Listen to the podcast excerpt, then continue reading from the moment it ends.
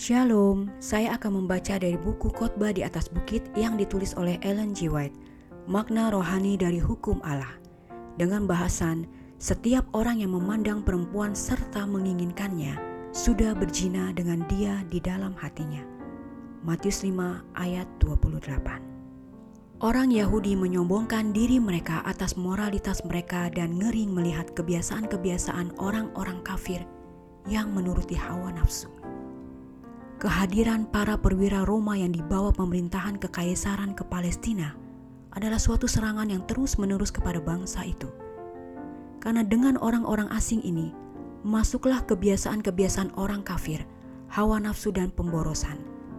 Di Kapernaum, para perwira Roma dengan perempuan-perempuan simpanan mereka membayangi parade dalam perjalanan dan sering suara sukaria memecah kesucian danau itu Sementara perahu-perahu pelesir mereka meluncur di atas air yang tenang itu. Orang-orang itu berharap untuk mendengar dari Yesus suatu pengaduan keras dari golongan ini. Tetapi betapa heran mereka setelah mendengar kata-kata yang menyatakan kejahatan hati mereka sendiri. Apabila pikiran jahat dikasihi dan dihargai, betapa tersembunyi pun Yesus mengatakan, itu menunjukkan bahwa dosa masih berkuasa dalam hati jiwa masih dalam empedu kepahitan dan dalam ikatan kejahatan. Orang yang mendapat kesenangan dalam membicarakan suasana ketidaksucian yang memanjakan pikiran jahat, pandangan yang penuh nafsu, dapat melihat dalam dosa yang terbuka dengan beban malunya dan duka cita yang menyayat hati. Sifat yang sebenarnya dari kejahatan yang telah dia sembunyikan di dalam bilik-bilik jiwa.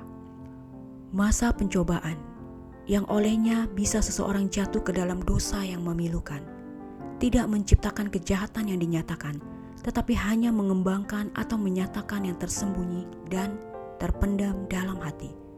Sebab seperti orang yang membuat perhitungan dalam dirinya sendiri, demikianlah ia, karena dari situlah terpancar kehidupan. Demikianlah bacaan buku khotbah di atas bukit dengan pembahasan setiap orang yang memandang perempuan serta menginginkannya sudah berzina dengan dia di dalam hatinya. Matius 5 ayat 28. Tuhan memberkati.